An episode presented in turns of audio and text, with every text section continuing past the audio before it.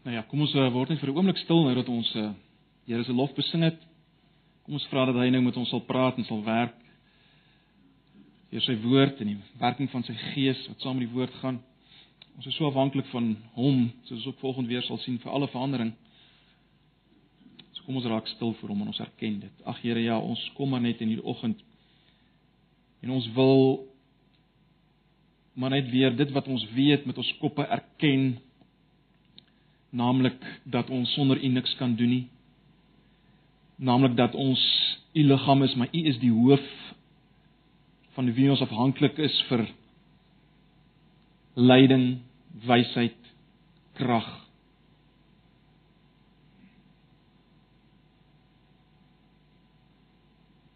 Alles. U is ons volmaakte verlosser die een wat 'n volkomme geregtigheid in ons plek verdien het voor die Vader deur sy kruisdood. Ag Here, hoe kan ons U genoeg daarvoor eer en dank en prys?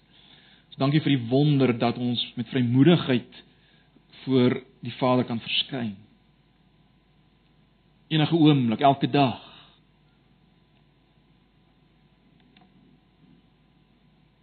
Baie baie dankie. Nou Here, wil ek vra dat U ons sal rustig maak, stil maak, sal help om te hoor wat u woord vir ons sê. Alles uiteindelik tot eer van u self. In Jesus se naam bid ons dit. Amen.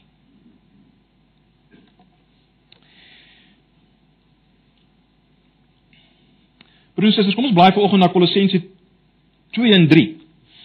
Ons gaan nie nou dadelik uh, dit saam lees nie, maar ek wil asseblief hê dat julle uh, Kolossense 2 en 3 sal of die Bybel sal oop hou by Kolossense ons gaan hoofstuk 2 en 3 bestudeer. Vanuit 'n sekere hoek. En uh miskien kan julle ook maar 'n vingertjie kry by Galasiërs 3.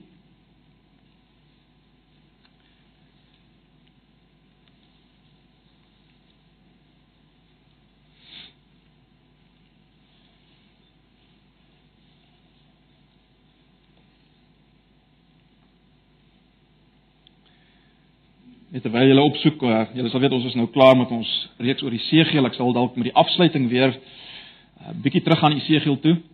En dan as die Here wil, gaan ons volgende jaar die boek Romeine doen, net so ons lank julle uh aptyd aptyd te wek vir volgende jaar.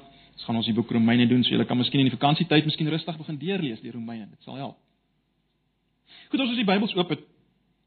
Uh So ek sê ek gaan nie nou dit dadelik lees nie, maar hou asseblief die die vinger daar, ons gaan redelik 'n uh, eh, groot gedeeltes lees. Horatius Bonar, uh, dis 'n baie bekende Skotse prediker, digter en hymnskrywer, baie van die ou hymns wat ons sing is deur hom geskryf.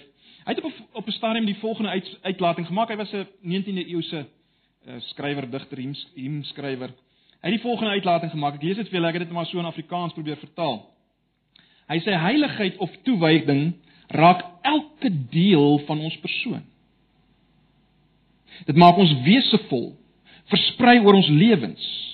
Beïnvloed alles wat ons is of doen of dink.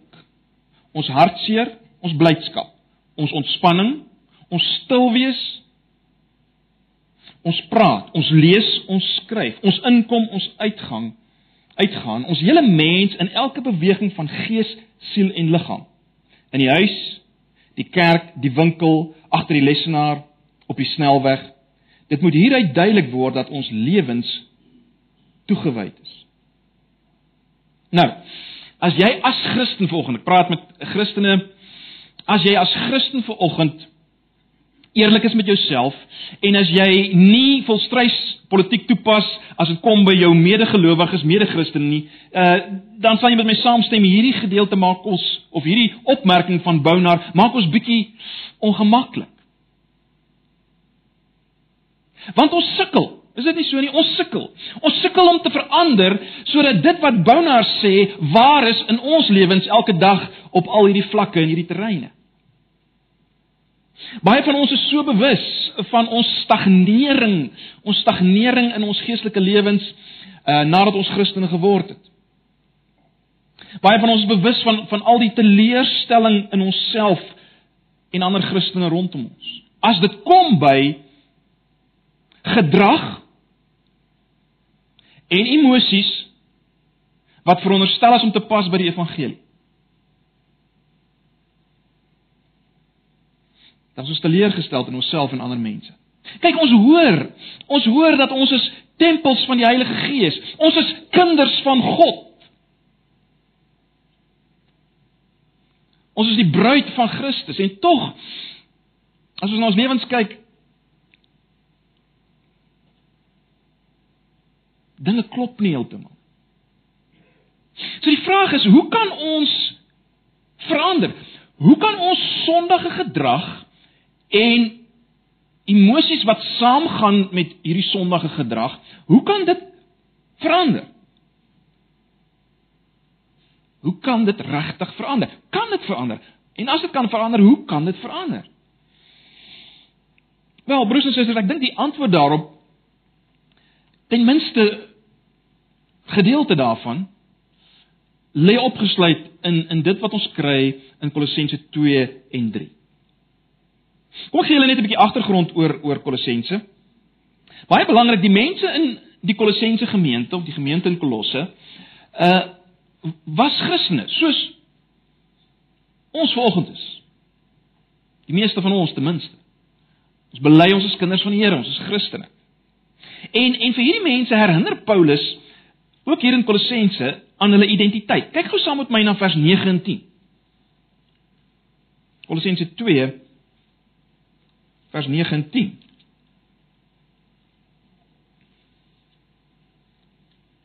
Ek lees die 83 vertaling. Paulus sê in hom dis nou Jesus, hy praat van Jesus, is die volle wese van God beliggaam. En luister wat sê hy nou, en in verbondenheid met hom deel julle in sy volheid.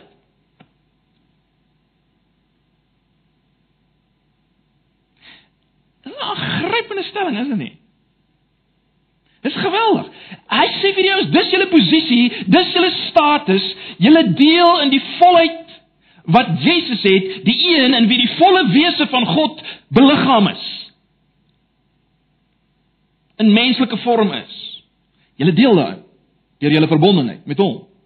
Dis julle identiteit. Maar nou was daar 'n probleem. Uh hierdie ouens het nou op 'n op 'n verkeerde manier probeer verder gaan. Dis wie hulle is, dis hulle identiteit. Maar hulle het op 'n verkeerde manier probeer verder gaan en dit is waaroor Paulus skryf in Kolossense. Nou daar is geweldig onsekerheid oor presies wat die probleem of dan die dwaalleer of hoe jy dit ook al wil noem in Kolossense was. Daar's nie heeltemal sekerheid daaroor nie, maar ten minste is is dit duidelik dat hierdie Christene is beïnvloed om verder te gaan, te verander as jy wil op 'n manier wat beïnvloed is deur Joodse en heidense denke. Dis ten minste duidelik. Hulle is beïnvloed deur Joodse en heidense denke as dit kom by hoe moet ons verder gaan? Hoe moet ons verander? Is hulle beïnvloed deur hierdie denke. En dis waar waarteen Paulus as te ware veg in hierdie brief, né? En dit wat ons in die proses kry, is geweldig van pas op ons vraag vanoggend, naamlik hoe kan ek verander wat betref my my gedrag as Christen en en daai emosies wat saamgaan met my gedrag wat wat sondig is, wat nie pas by hierdie identiteit wat ek het. So wat Paulus doen in Kolossense en in hierdie gedeeltes hoofstuk 2 en 3 is om soos nou gesien het vir die ouens te sê wat is hulle identiteit? Hoofstuk 2 vers 9 en 10 dan wys hy vir hulle wat is die verkeerde maniere om verder te gaan? Of as jy wil wat is die verkeerde maniere om te probeer om te verander? En dan gaan hy vir hulle sê hoe hoe verander ons dan? Dis alles in hierdie hoofstukke opgesluit. So kom ons kyk eers hoe verander ek nie. En ek wil eers moet kyk na vers 16 en 17. Vers 16 en 17 van Kolossense 2. Paulus sê: Daarom moet julle nie dat iemand vir julle voorskrywe wat julle moet eet en drink nie, of dat julle die jaarlikse feeste of die nuwe maansfees of die Sabbatdag moet vier nie. Dit is alles maar net 'n skaduwee van wat sou kom. Die werklikheid is Christus. Nou die dinge waarna Paulus hier verwys, is natuurlik almal ou Joodse gebruike wat ons vind in die Ou Testament wat om die waarheid te sê beveel is in die Ou Testament. En nou is dit so dat die hierdie Christen in Kolossense het 'n stryd hiermee gehad. Want aan die een kant was daar die ouens wat hulle veroordeel het as hulle dit nie gehou het nie, en aan die ander kant was daar ouens wat gesê het, "Wel, dis die manier om verder te kom. Dis die manier om God gelukkig te maak, dis die manier om te verander om weer hierdie dinge te onderhou wat ons hier gelees het." Met ander woorde, jy kan verander as jy hierdie goeters stiptelik nakom. En nou kom Paulus en hy maak dit baie duidelik. Hierdie dinge kan jou nie verander nie. Hoekom nie? Wel, want Paulus sê dis leer rituele. Dis leer rituele. Hoekom is dit leer rituele? Want dis dis net afbeeldinge van die realiteit wat sou kom, Jesus Christus. Dis net afbeeldinge daarvan. Dit het heen gewys na Jesus en daarom is dit belaglik om dit nou na te kom en te dink dit dis dis die manier hoe ek kan verder gaan in my Christelike lewe en God kan behaag. Op hoër vlak kan kom. Want dit was afbeeldinge van die realiteit. Dit is nie die realiteit nie. Nou, broers en susters, ons kan baie maklik onbewuslik in dieselfde slaggat val as die mense in Kolosse. Ons kan besig wees met leë rituele en die realiteit mis. Of laat ek so stel, ons kan besig wees met leë rituele waardeur ons die realiteit uitkanselleer. Ons kan daarmee besig wees. En dan word dit Daar sekerre dinge wat ons as te ware help om Christus beter te sien. En dan gebruik ons hierdie dinge asof dit ons kan verander. Ons sien dit as die dinge wat ons kan verander of dan as jy wil dinge wat wat God gelukkig maak terwyl dis eintlik dinge wat vir wat bedoel is om ons na Christus te wys. Kom probeer dit nader ons lyf bring. Kyk, ons kan elke Sondag as ons hier sit besig wees met 'n absolute leer ritueel. As jy terwyl ons hier sing, jou mond oop en toe maak Maar jou gedagtes is baie ver hiervandaan. Dan is jy besig met 'n leer ritueel. Of as jy deel is van die van die bid hier in die oggend daar of as ons hier saam bid, uh en en en en, en jy maak geen kontak met die Here nie. Jy bid as te ware nie saam met die persoon wat bid nie. Wel, dis 'n leer ritueel dan. Of as as jy terwyl ek hier preek of wie ook al hier preek, as jy terwyl daar gepreek word sit en dink aan die aan die skaapbout wat dalk kan brand en en en uh, al die probleme van die kinders.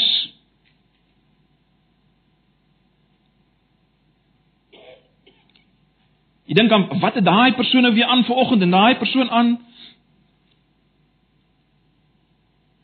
Dis besig met 'n leer ritueel. Dis 'n absolute leer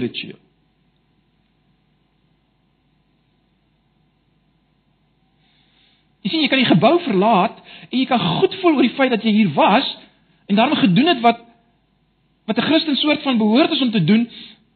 Maar dit is absoluut sinneloos en nutteloos. Dit was dit was 'n leer ritueel. Dis moontlik. Of of jy kan selfs wat jou persoonlike Bybel lees en gebed betref en so leer ritueel verval, né? Nee, jy voel ek moet daarom daarby uitkom want ek meen dit is is wat 'n Christen doen, maar jy het nie regtig lus daarvoor nie en jy's te moeg of in die oggend of in die aand te moeg daarvoor want jy's besig met baie ander dinge. Dis waar jou eintlike tyd en energie ingaan. So jy doen nog hierdie ding maar jy maak geen kontak met die Here nie. Dis 'n absolute leer ritueel. Dis 'n absolute leer ritueel.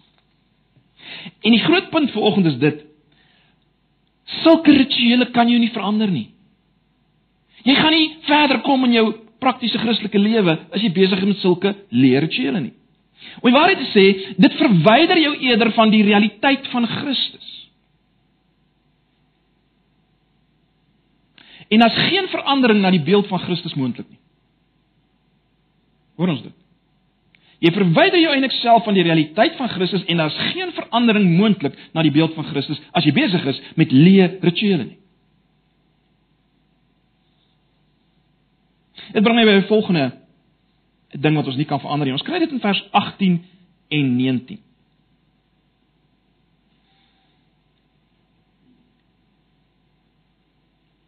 Paulus sê moenie dat iemand wat behaas skep in danige nederigheid en die aanbidding van engele en wat voorgee dat hy allerlei visioene gesien het, julle daarmee mislei nie.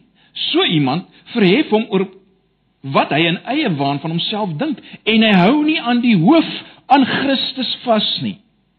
Uit Christus groei die hele liggaam. Ondersteun deur die gewrigte en saamgebind deur die spiere soos God dit laat groei. Jy sien wat Paulus hier wil wys is dit. Hy wil wys mistieke belewinge laat jou nie verander nie. Mistieke belewinge verander jou nie. Uh dit is duidelik dat hierdie mense het gesoek na ontmoetings met engele, bonatuurlike belewinge wat saamgaan met die ontmoeting van engele en hulle het gevoel dit dit, dit dis die ding. Dis dis wat daar moet wees in hulle Christelike lewens om verder te kom. En wat Paulus nou hier doen is is om te sê wel, kyk, Dit lyk miskien baie goed. Dit lyk of daar 'n soort van 'n nederigheid daarin is. Maar eintlik lei dit tot geestelike hoogmoed. Dit lei tot opgeblaasenheid, dit lei tot vleeslikheid. Met ander woorde, dit lei tot dit waarvan Christus ons juis bevry het. Volgens Kolossense 2 vers 11. Dis juis waarvan ons bevry het. En weer eens geld dieselfde vir ons broers en susters. Wat ook al jou belewinge mag wees of visioene wat jy al gesien het of wonderbaarlike dinge wat jy beleef het.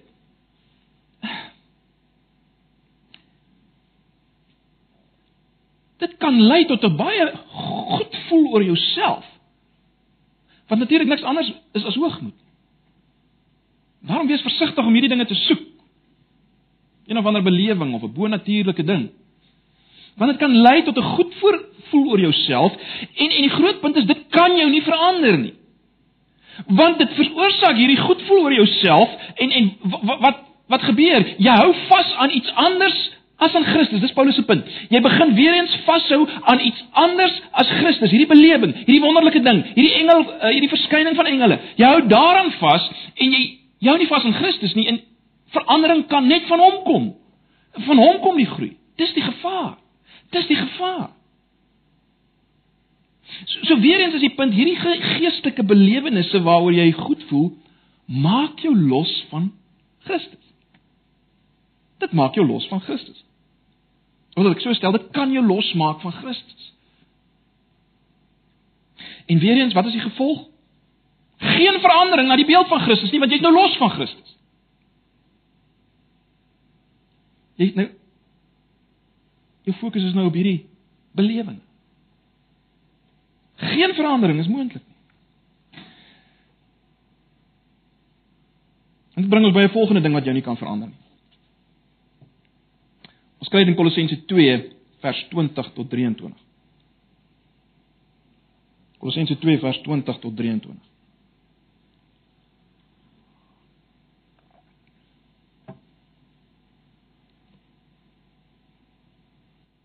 Paulus sê in vers 20: "Julle het saam met Christus gesterwe en is dus dood vir die wettiese godsdienstige reëls van hierdie wêreld. Waarom lewe julle dan nog asof julle aan hierdie wêreld behoort? Waarom gehoorsaam julle allerlei voorskrifte soos hieraan mag jy nie vat nie, daaraan mag jy jou mond nie sit nie, daaraan mag jy nie raak nie? Dit gaan alles oor dinge wat bedoel is om gebruik te word en te vergaan en dis maar net gebooie en leerstellings van mense. Hierdie leerstellings vers 23 het wel 'n skyn van wysheid met hulle selfgemaakte godsdiens, danige nederigheid en streng beheerser beheersing van die liggaam, maar dit luister mooi, dit het geen waarde vir die beteling van die sondige drifte nie. Dit het geen waarde wat betref daai ding. So Paulus het nou al gewys rituele kan jou nie verander nie, want want want dit maak dat jy die realiteit mis. Hy het gewys dat mistieke belewinge kan jou nie verander nie, want dit maak dat jy nie meer vashou aan die hoof Jesus van wie alle groei kom nie. Hy het nou reeds dit gewys. Hier kom hy en hy en hy wys dat allerhande asketiese reëls en regulasies. Met ander woorde, uh allerlei reëls oor onthouding. Allerlei reëls oor dinge wat jy nie mag doen nie. Paulus kom hier en hy wys dit het net 'n skyn van wysheid. Met ander woorde, dit lyk soos wysheid, maar dit is nie. Hoekom lyk dit vir wys uh, hoekom lyk dit soos wysheid of het dit soos wysheid gelyk vir hierdie Christene in Kolosse? Wel, omdat dit 'n soort godsdiens is, né? Nee, dis wat ons sien in vers 23. Dis 'n mensgemaakte godsdiens. En Christene val baie maklik vir dinge vir iets wat lyk soos godsdiens. Dit val baie maklik daar. As mens nou in die oomblik dink aan aan hulle situasie, die Christene uit die heidendom het daarvoor geval want hulle agtergrond is 'n godsdiens waar of hulle agtergrond is 'n godsdiens, né, nee, waar waar waar jy sekere dinge doen om God te beïndruk, God tevrede te stel of die gode tevrede te stel altans. Jy doen sekere dinge om die gode tevrede te stel. Aan die ander kant, die Christene uit die Judaïsme het ook aanklank gevind hierby want ons weet die Ou Testament het te maak met godsdiens tot 'n groot mate. Wat vir 'n tydperk 'n rol gehad het om te vervul. Maar as ons kom by Galasiërs, byvoorbeeld Galasiërs 3 vers 19, dan sien ons dit was bedoel vir die tyd totdat Jesus, die nageslag van Abraham sou kom. Ons het al baie daaroor gepraat, ek gaan nie nou weer daaroor uitbrei nie. Die die punt is beide die Christene uit die heidense agtergrond en die Christene uit die Joodse agtergrond het aanklank gevind by hierdie hierdie mensgemaakte godsdiens van wettiese reëls en regulasies. Dit dit dit was vir hulle aantreklik geweest. En die tragedie is broers en susters, dis vandag nog vir baie Christene aantreklik. Een van die grootste tragedies was nog altyd dat Christendom verwar word met godsdiens. En is totaal twee verskillende dinge.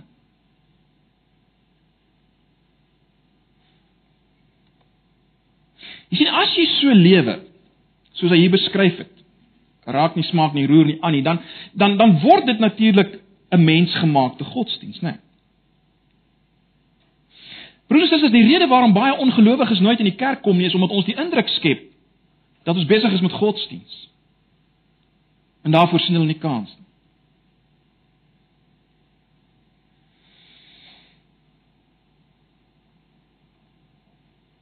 Nog 'n rede waarom ons val vir hierdie skyn van wysheid is omdat ons ons ons hoor van heiligmaking en ons verwar dit met heiligmaking. Ons dink dis heiligmaking raak nie smaak nie, roer nie aan nie tipe lewe. Ons dink is heilig maak. Ons verwar dit met Bybelse heilig maak.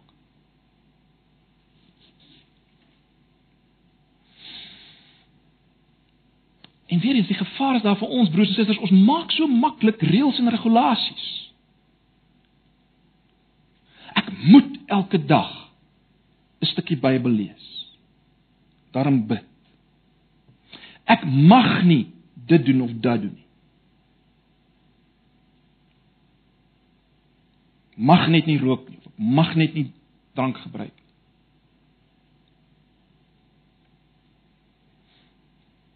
Ek kan baie dinge byvoeg. Nou, nou miskien voel jy op hierdie oomblik ongemaklik en jy sê maar Jakobus, ek verstaan nie. Ons ons moet tog geestelike dissipline hê. Ons moet tog ons moet tog lees en bid. En ons gaan daarby kom. Die punt is jy moenie dink dit gaan jou sondige gedrag en emosies verander nie. En net so jou onthouding van alkohol en en en en en rook en daai goeters wat natuurlik dinge is wat saamgaan met 'n lewenstyl wat nie pas by Christene nie en is verslawend en al, alles wat sleg is, maar die punt is moenie dink dit kan jou sondige gedrag verander as jy jouself onthou daarvan nie. Dis die gevaar. sien dit lyk na wysheid. Maar dit is. Is nie rede waarom dit jou nie kan verander nie. Het julle gesien dit dit word duidelik daar gestel in die laaste vers wat ek gelees het in vers 23. Die laaste deel van vers 23. Dit het geen waarde vir die beteeling van die sondige drifte nie. Dis hoekom dit jou nie kan verander nie. Dit kan jou nie verander nie. Want dit dit kan nie jou sondige drifte beteel nie. Inteendeel, dit maak dit jy's wakker. Ek sê nie iets mag doen nie, dan wil ek dit reeds jy's doen, né? Nee, ons het al daaroor gepraat. Dis so sonde werk. So dit kan jou nie verander nie. Die punt is dat nie net dat dit jou nie kan verander nie, dis ook positief gevaarlik as ek dit so kan stel.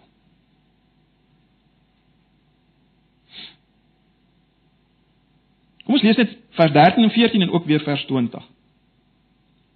In vers 13 sê Paulus: "Julle was dood deurdat julle gesondig het en deurdat julle sondige natuur nog nie weggeneem was nie. God het julle egter saam met Christus lewend gemaak deurdat hy al ons sondes vergewe het." Vers 14: "Hy het die skuld bewys met sy eise teen ons tot niet gemaak deurdat aan die kruis te spyker het, het dit vergoed weggeneem." En dan vers 20: "Julle het saam met Christus gesterwe." Kyk, dit is dis dis verlede tyd, né? Nee, dis dis wat gebeur het en is dus dood vir die wettiese godsdienstige reëls van die wêreld. Waarom lewe julle dan nog asof julle aan hierdie wêreld behoort? Waarom gehoorsaam julle allerlei voorskrifte?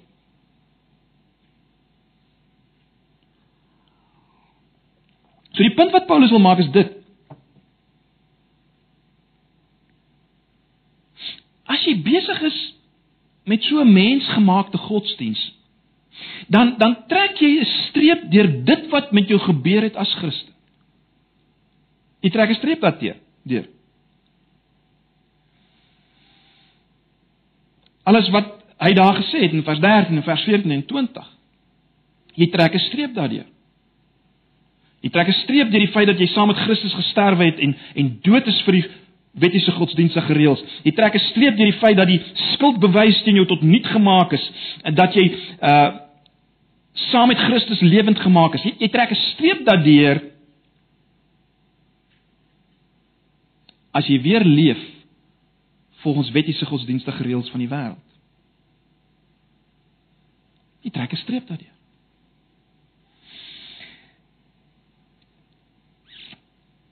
Dit is baie belangrik om te verstaan wat bedoel Paulus met hierdie wettiese godsdienstige reëls van die wêreld want want dit dis dis eintlik die sleutel waarom dit so gevaarlik is en en waarom dit nie werk nie. Nou die 83 vertaal het die vertaling wettiese godsdienstige reëls van die wêreld, maar kom ek wys julle net op die 1953 vertaling en ook die NIV en julle kan maar ander letterlike vertalings ook gaan kyk. Die 1953 vertaling vertaal hierdie wettiese godsdienstige reëls van die wêreld met eerste beginsels van die wêreld. En die NIV praat van basic principles of the world. En dit lyk vir my dis die beter vertaling van die Grieks. Met ander woorde, hierdie eerste beginsels van die wêreld. Nou, wat presies hiermee bedoel is is, is baie onseker. Ouens debatteer baie daaroor. Maar maar letterlik beteken dit dit wat in volgorde is. Met ander woorde, ons het hier te maak met wat mens kan noem lineêre denke. Kom ek probeer dit makliker maak. Ons het hier te maak met die beginsel dat As ek A doen, dan volg B en C en D en so. Met ander woorde, as ek getrou my bydrae gee, dan sal God my seën en my omstandighede verander. Dan sal ek waarskynlik 'n aangenaamer mens wees. Mense sal van my hou en dan sal ek ook sommer meer gewild wees. sien as lineêre denke. Nou hierdie term word ook in Galasiërs 4 vers 8 en 9 gebruik. Ek gaan dit vir julle lees. Paulus sê in Galasiërs 4 vers 8 en 9 vir die ouens in Galasië, Galasië, daar was 'n tyd toe julle nie vir God geken het nie. En slawe was van niks werd afgode. Maar nou dat julle hom leer ken het, of liewer nou dat hy julle ken, hoe val julle dan nou weer terug na daardie minderwaardige en armsalige en dan gebruik hy daai term wettiese godsdienstige reëls of eerste beginsels van die wêreld. Hoekom gaan julle weer terug daaraan?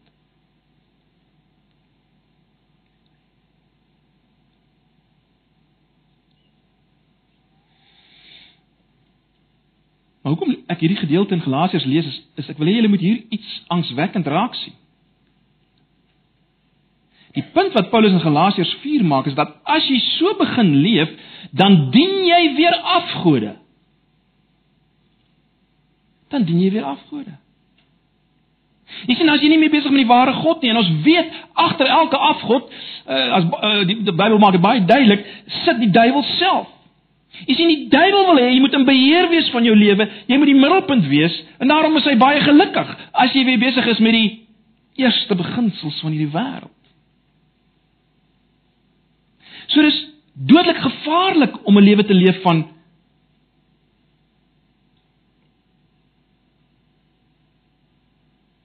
mag nie moenie reëls regulasies. Dit kan nie verander nie. Maar die groot punt wat ons moet raak sien is dit broers en susters, as jy as jy hierdie dinge begin doen en jy dink dit dit gaan my verander, dit gaan my meer aanneemlik maak, meer Christus gelykvormig maak. As jy dit sê, dan verklaar jy daarmee dat die ou mens wat jy was is nog nie dood nie, het nog nie gesterf saam met Christus nie.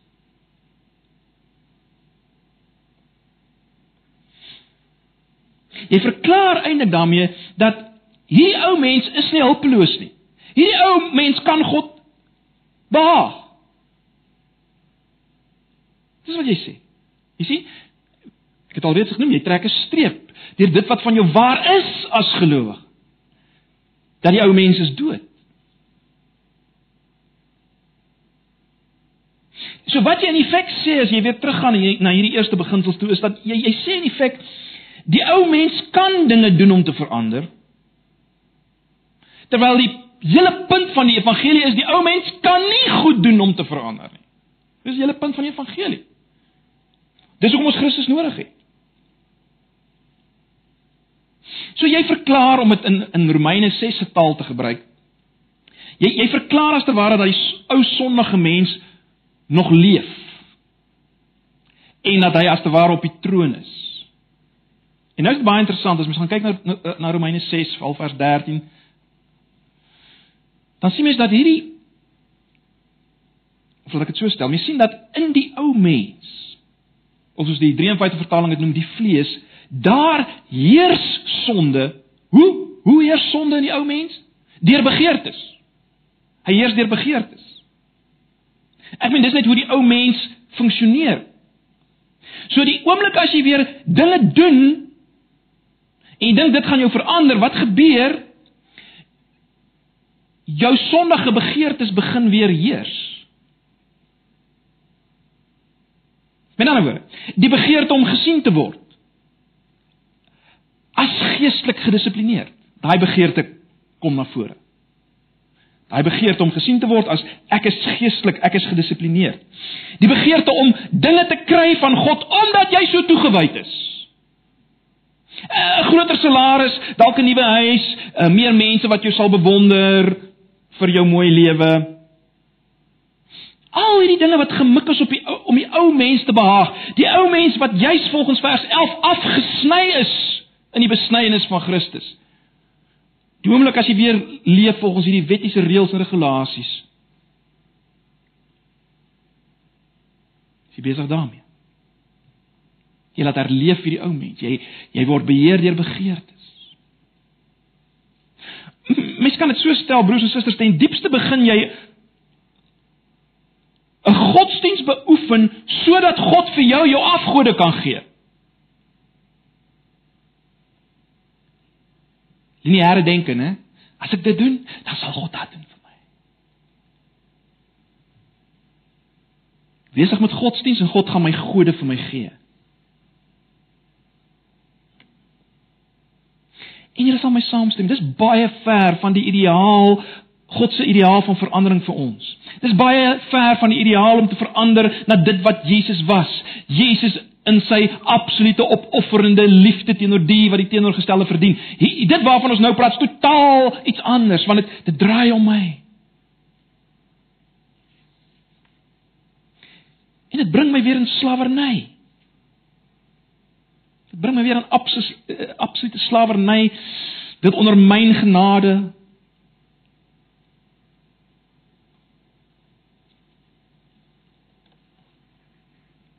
En as jy vra, hoe moet ons dan verander? Hoe moet ons dan verander?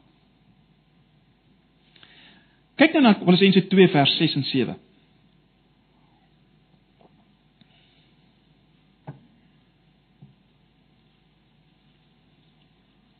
Kolossense 2 vers 6 en 7.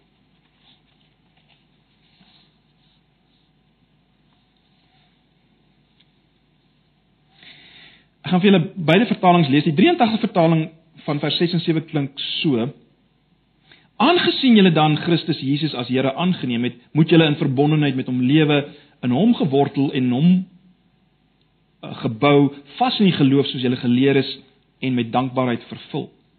Kom ek lees vir julle die meer letterlike vertaling. Soos julle dan Christus Jesus die Here aangeneem het, wandel so in hom, gewortel en opgebou in hom en bevestig in die geloof soos julle geleer is, terwyl julle daarin oorvloedig is in danksegging. Ek wil net ook vir julle Galasiërs 3 vers 1 tot 3 lees. Luister na Galasiërs 3 vers 1 tot 3. Julle Galasiërs, is julle dan so sonder begrip? Weet julle verstand benevel?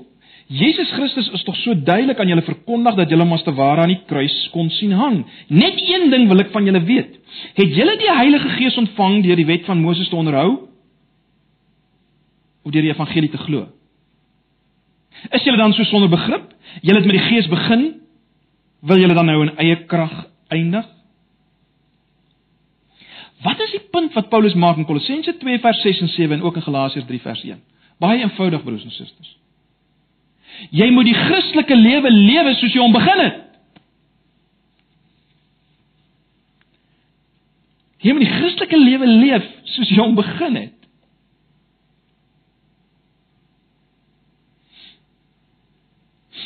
Onthou wat het ons gesien in al die verkeerde maniere vir verandering? Wat het ons in dit alles gesien?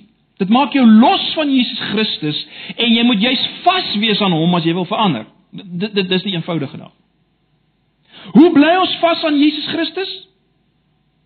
Vel deur die geloof, soos ons aanvanklik na hom gekom het. In Galasiërs 3 maak Paulus dit baie duidelik dat die dat ons Christelike lewens het begin toe ons die Gees ontvang het Hy verwys na hulle toe hulle die Gees ontvang het deurdat hulle geglo het. Toe die Gees begin werksaam word met alles wat dit behels. Gees en geloof gaan saam. Nie gees en werke nie. Hulle het nie die Gees ontvang toe hulle sekere dinge begin doen het en toe gee God die Gees. Nee. Toe hulle gekyk het na Jesus en hom vasgehou het, Jesus die gekruisigde, die Gees begin werk. En die punt van Paulus is Hoe dom is julle nie nou nie. Nou wil julle Nou wil julle weer begin werk. Per implikasie, julle gaan die gees verloor. En dan gaan geen verandering wees nie. Ek meen, stel jou voor iemand word gedra oor die Niagara valle deur 'n bekwame touloper en en en halfpad is daar 'n keuse. Jy kan of voortgaan om saam met hierdie uh touloper te loop dat hy jou oordra of jy kan self oor die tou loop oor die Niagara valle. Dis tog net dwaas om te kies jy gaan nou self hier oorloop. Nie pas jy gaan nie oorkom nie. Broers en susters, ons moet dit hoor en ek moet dit vir myself weer en weer preek. Onthou, ons word Christene deur geloof in Jesus. Ons bly Christene deur geloof in Jesus. Ons groei as Christene deur geloof in Jesus. Jesus sê in Johannes 6 vers 28 toe hulle hom vra wat moet ons doen om te doen wat God van ons verlang? Toe antwoord Jesus die volgende: Wat God van julle verlang is dat julle moet glo in hom wat hy gestuur het.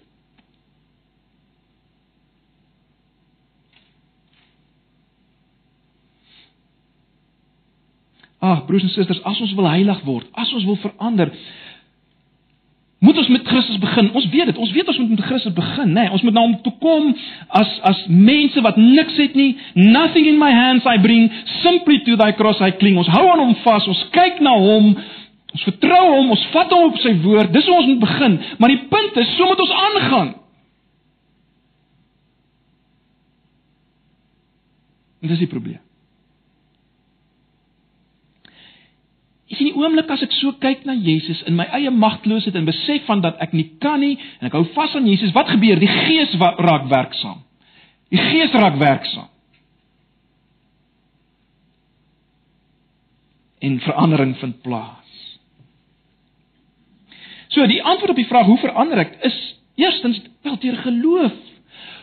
Maar nou weet ons geloof het altyd 'n tweelingboetie as ek dit so kan stel, né? Nee, bekering. Geloof en bekering gaan altyd saam.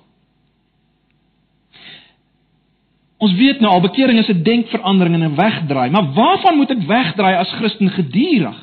Wel, in die eerste plek moet ek wegdraai van my eie geregtigheid, my eie reg wees met God. Ons weet dit, ons moet daarvan wegdraai gedurig. Jy sien, dit moenie net aan die begin van my Christelike lewe gebeur nie. Paulus sê in Filippense 3, dit waarna hy eers vasgehou het, as wat wat hy as bates gesien het, sien hy nou as laste. Dit help nie net niks nie, dis dit dis positief. As ek dit so kan stel, 'n struikelblok om te groei. Ek het dit al vir julle gesê, ek sê dit weer. Christene is mense wat gesien het dat beide hulle sonde en hulle beste dade is maar net maniere om Jesus as verlosser te vermy. Altwee. In 'n ander woorde, Christene is mense wat gesien het Christendom is nie 'n uitnodiging om meer godsdienstig te word nie. 'n Christen is iemand wat by die punt gekom het waar hy sê, kyk, alhoewel ek dikwels misluk het om volgens God se standaarde te leef, was my dieper probleem die rede waarom ek dit probeer gehoorsaam het. Dis my dieper probleem. Jy sien, my pogings om gehoorsaam te wees was net 'n manier om my eie verlosser te wees. Ek het probeer om my eie verlosser te wees. En dis waarvan ek moet bekeer. En jy sien as dit jou uitgangspunt is om gehoorsaam te wees sodat jy verlos kan word as te ware, wel dan dan dan's al jou gehoorsaamheid, jou vrae vir vergifnis, dis alles eintlik net 'n teenstaan van die evangelie. Dis wat dit is. Jy sien, In die evangelie broers en susters gaan dit daaroor dat jy wegdraai van selfgeregtigheid. Ons weet dit. Ons moet dit weer hoor. In die evangelie draai ons weg van selfregverdiging en ons vertrou op Jesus se verhouding met God. Ek vertrou nie op my verhouding met God nie. Ek vertrou op sy verhouding met God. Kyk, ongodsdienstige ouens bekeer glad nie. Nee. Ons weet dit. Godsdienstige ouens bekeer net van hulle sonde. Christene bekeer ook van hulle eie geregtigheid. Dis die verskil. Dis die verskil. En wanneer verander ons? Ons verander soos ons dit weer en weer en weer doen, dan kom die wonder van verandering. Ons is nie eens bewus daarvan nie. Ander ouens gaan dit raak sien. So dis waarvan ons in die eerste plek bekeer, ons eie geregtigheid, maar baie vinnig, ons bekeer ook van alles wat nie pas by ons nuwe identiteit Ons draai weg van alles wat nie pas by hierdie nuwe mens wat volgens Paulus saam met Christus opgestaan het nie. Ek hoop julle sien die verskil, né? Ek doen nie dinge om te verander en om 'n nuwe mens te wees nie. Ek bekeer van dinge wat nie pas by die nuwe mens wat ek reeds is in Christus nie. Dis waarvan ek wegdraai. Dit's 'n groot verskil. Ek bekeer van sonde wat nie pas by die nuwe mens wat ek is op grond van iemand anders se lewe in my plek nie. Dis waarvan ek wegdraai. Kyk 'n bietjie nou na Kolossense 3 vanaf vers 1. Ek gaan dit net lees en julle sal self raak sien. En dis presies wat ons hier kry.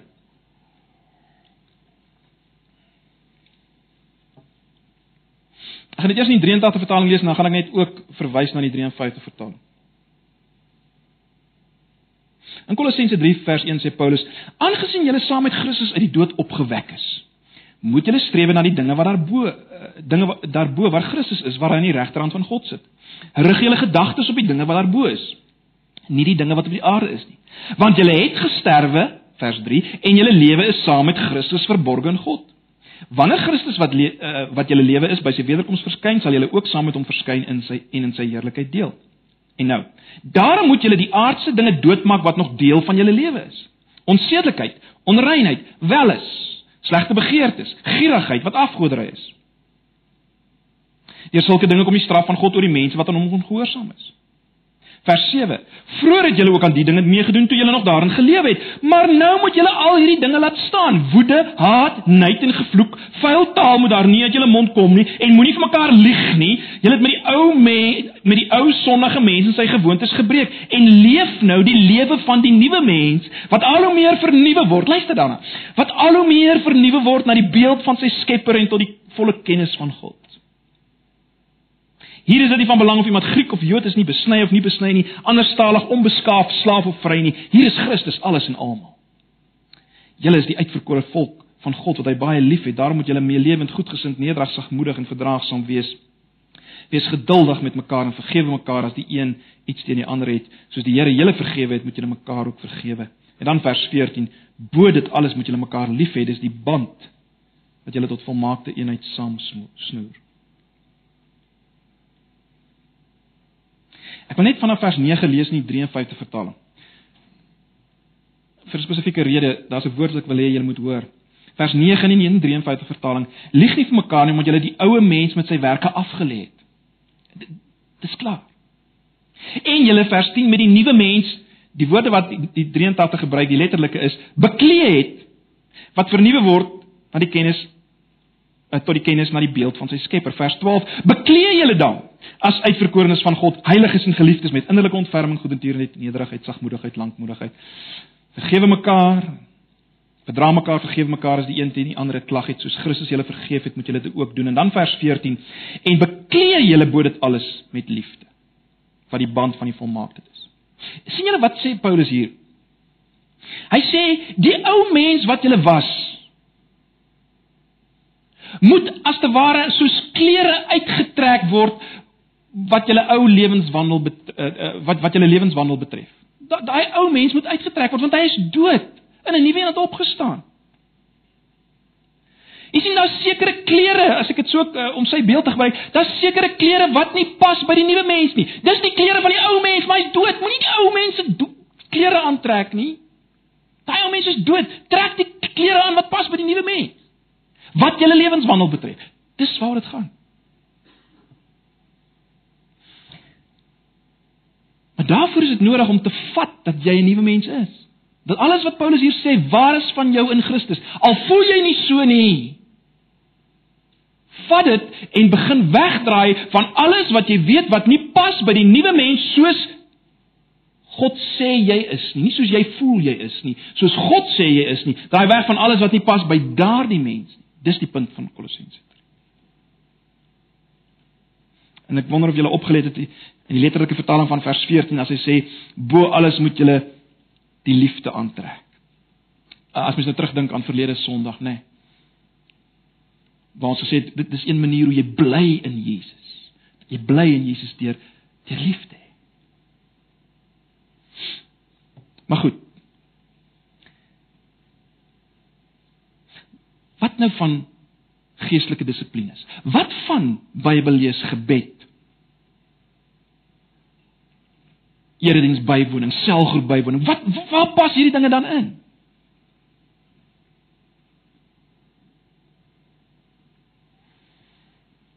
Baie belangrik. Broers en susters, hierdie dinge is van kardinale belang en ek hoop julle het my volgens verkeerd verstaan. Maar dit moenie gebruik word as middele om my te verander nie. Nee nee. Om dit so te stel, dit moet gebruik word as strategie, as as jy wil, om my geloof in Jesus te versterk. Met ander woorde, my my neem van Jesus op sy woord en wat hy gedoen het, my neem van wat Jesus sê ek is in hom. Al hierdie geestelike dissiplines is as te ware strategie om om hierdie geloof in Jesus te versterk en om my bekering van my eie geregtigheid en alles wat nie pas by die nuwe mens nie om daai bekering te versterk. So hierdie hierdie geestelike dissiplines, lees en bid en bywoning van van geestelike aktiwiteite. Dit dit alles is net daar om om my geloof in Jesus te versterk. wie hy is, wat hy gesê het, wat hy gedoen het en en om my bekering, my wegdraai van eie geregtigheid en die dinge wat nie pas nie om dit as te ware te versterk. Dis ek dit moet doen. Want jy sien as ek nie as ek die woord lees, dan sien ek weer soos vanoggend, wie is ek in hom? En dit wat het wat het hy vir my gedoen? Die skuldbrief teen my is uitgedelg. O, oh, en dit versterk my geloof, my kyk na hom. So dis wat dit inpas. Dit help my om weg te draai van sekere leuns en die waarheid omhels. Kyk, agter elke stuk sondige gedrag en sondige emosie lê 'n leuen, né? 'n Leuen oor wat my gelukkig sal maak, 'n leuen oor oor wie ek werklik is, 'n leuen oor hoe God is. Agter elke sondige gedrag en emosie lê 'n leuen. Nou as ek besig is met sy woord en ek spandeer tyd saam met ander gelowiges, uh dan help ek dan help dit my om om die leuns te ontbloot en die waarheid te sien.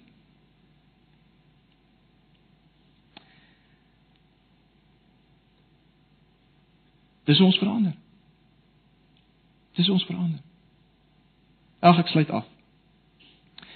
Dan sit jy vanoggend hier as iemand wat hier almal gerespekteer word as Christen. Jy doen nie een van die sondes waar waar aan ons mekaar se Christendom gewoonlik meet nie. Jy doen nie een daarvan nie. Maar jy weet iets wat die ander nie weet nie. Jy weet uh jou Christelike lewe het, het bitter min vreugde. Jy weet jy's dikwels geïrriteerd. Uh jy weet jy sukkel met jou humeur. Uh jy weet dat jy uh, dalk 'n geweldige liefde vir geld het of of of jy sukkel met welis, jy jy weet dit. Dis dalk jou posisie vir oggend. Of dalk is jy 'n nuwe Christen. Jy's 'n nuwe Christen en en jy sukkel om om om om die gewoontes van jou vorige lewe om weg te kom daarvan, om dit te verander. Of dalk is jy hier vanoggend as iemand wat jare lank 'n Christen is. Jare, jare, jare lank. Maar jy het 'n plateau bereik. Daar's nie verandering. Jy sukkel nog met dieselfde ou dinge. Of miskien is jy vanoggend hier as iemand wat wat in 'n groot sonde geval het. En dit het jou as te ware totaal teruggedruk. Maak nie saak wat die geval vanoggend is nie. Ek wil hê ons moet vanoggend hoor daar is hoop. Daar's werklik hoop, broers en susters, hoop op verandering. God wil ons verander na die beeld van sy seun. Ons is aanvanklik geskep as beelddraers van God. In Jesus sien ons hoe lyk 'n beelddraer van God en God wil ons terug verander soent. Maar dis die manier. Daar's 'n ander manier. Ag, my gebed is vir myself en vir elkeen van julle dat ons dit sal omhels en sal vat. Dit was vanoggend dalk 'n bietjie baie om te te herkou, maar gaan herkou dit. Dit is so belangrik. So belangrik. Mag die Here ons daarmee help. Amen. Kom ons bid saam. Ag Here, dankie vir u woord. Dankie dat ons vanoggend kan weet daar is hoop om te verander. Maar Here, u weet vanoggend hoe ons al verblind is deur die duiwel, mislei is deur mense oor wat verandering bring. O Here Jesus, gee dat ons vanoggend maar net weer dit sal sien wat ons eintlik ook maar verlede Sondag gesien het dat in U en U alleen is verandering. En ons moet gebind bly aan U. Dis waaroor dit gaan.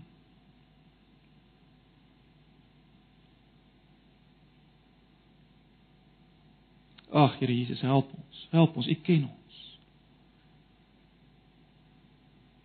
Gebruik u woord, gebruik u gees om geloof in ons te wek, geloof in u. Help ons om te om te omhels dit wat ons is in u. Nuwe skepsels, kinders van God, tempels van die Heilige Gees, bruid van Christus. Help ons om weg te draai van alles wat nie pas by hierdie nuwe identiteit.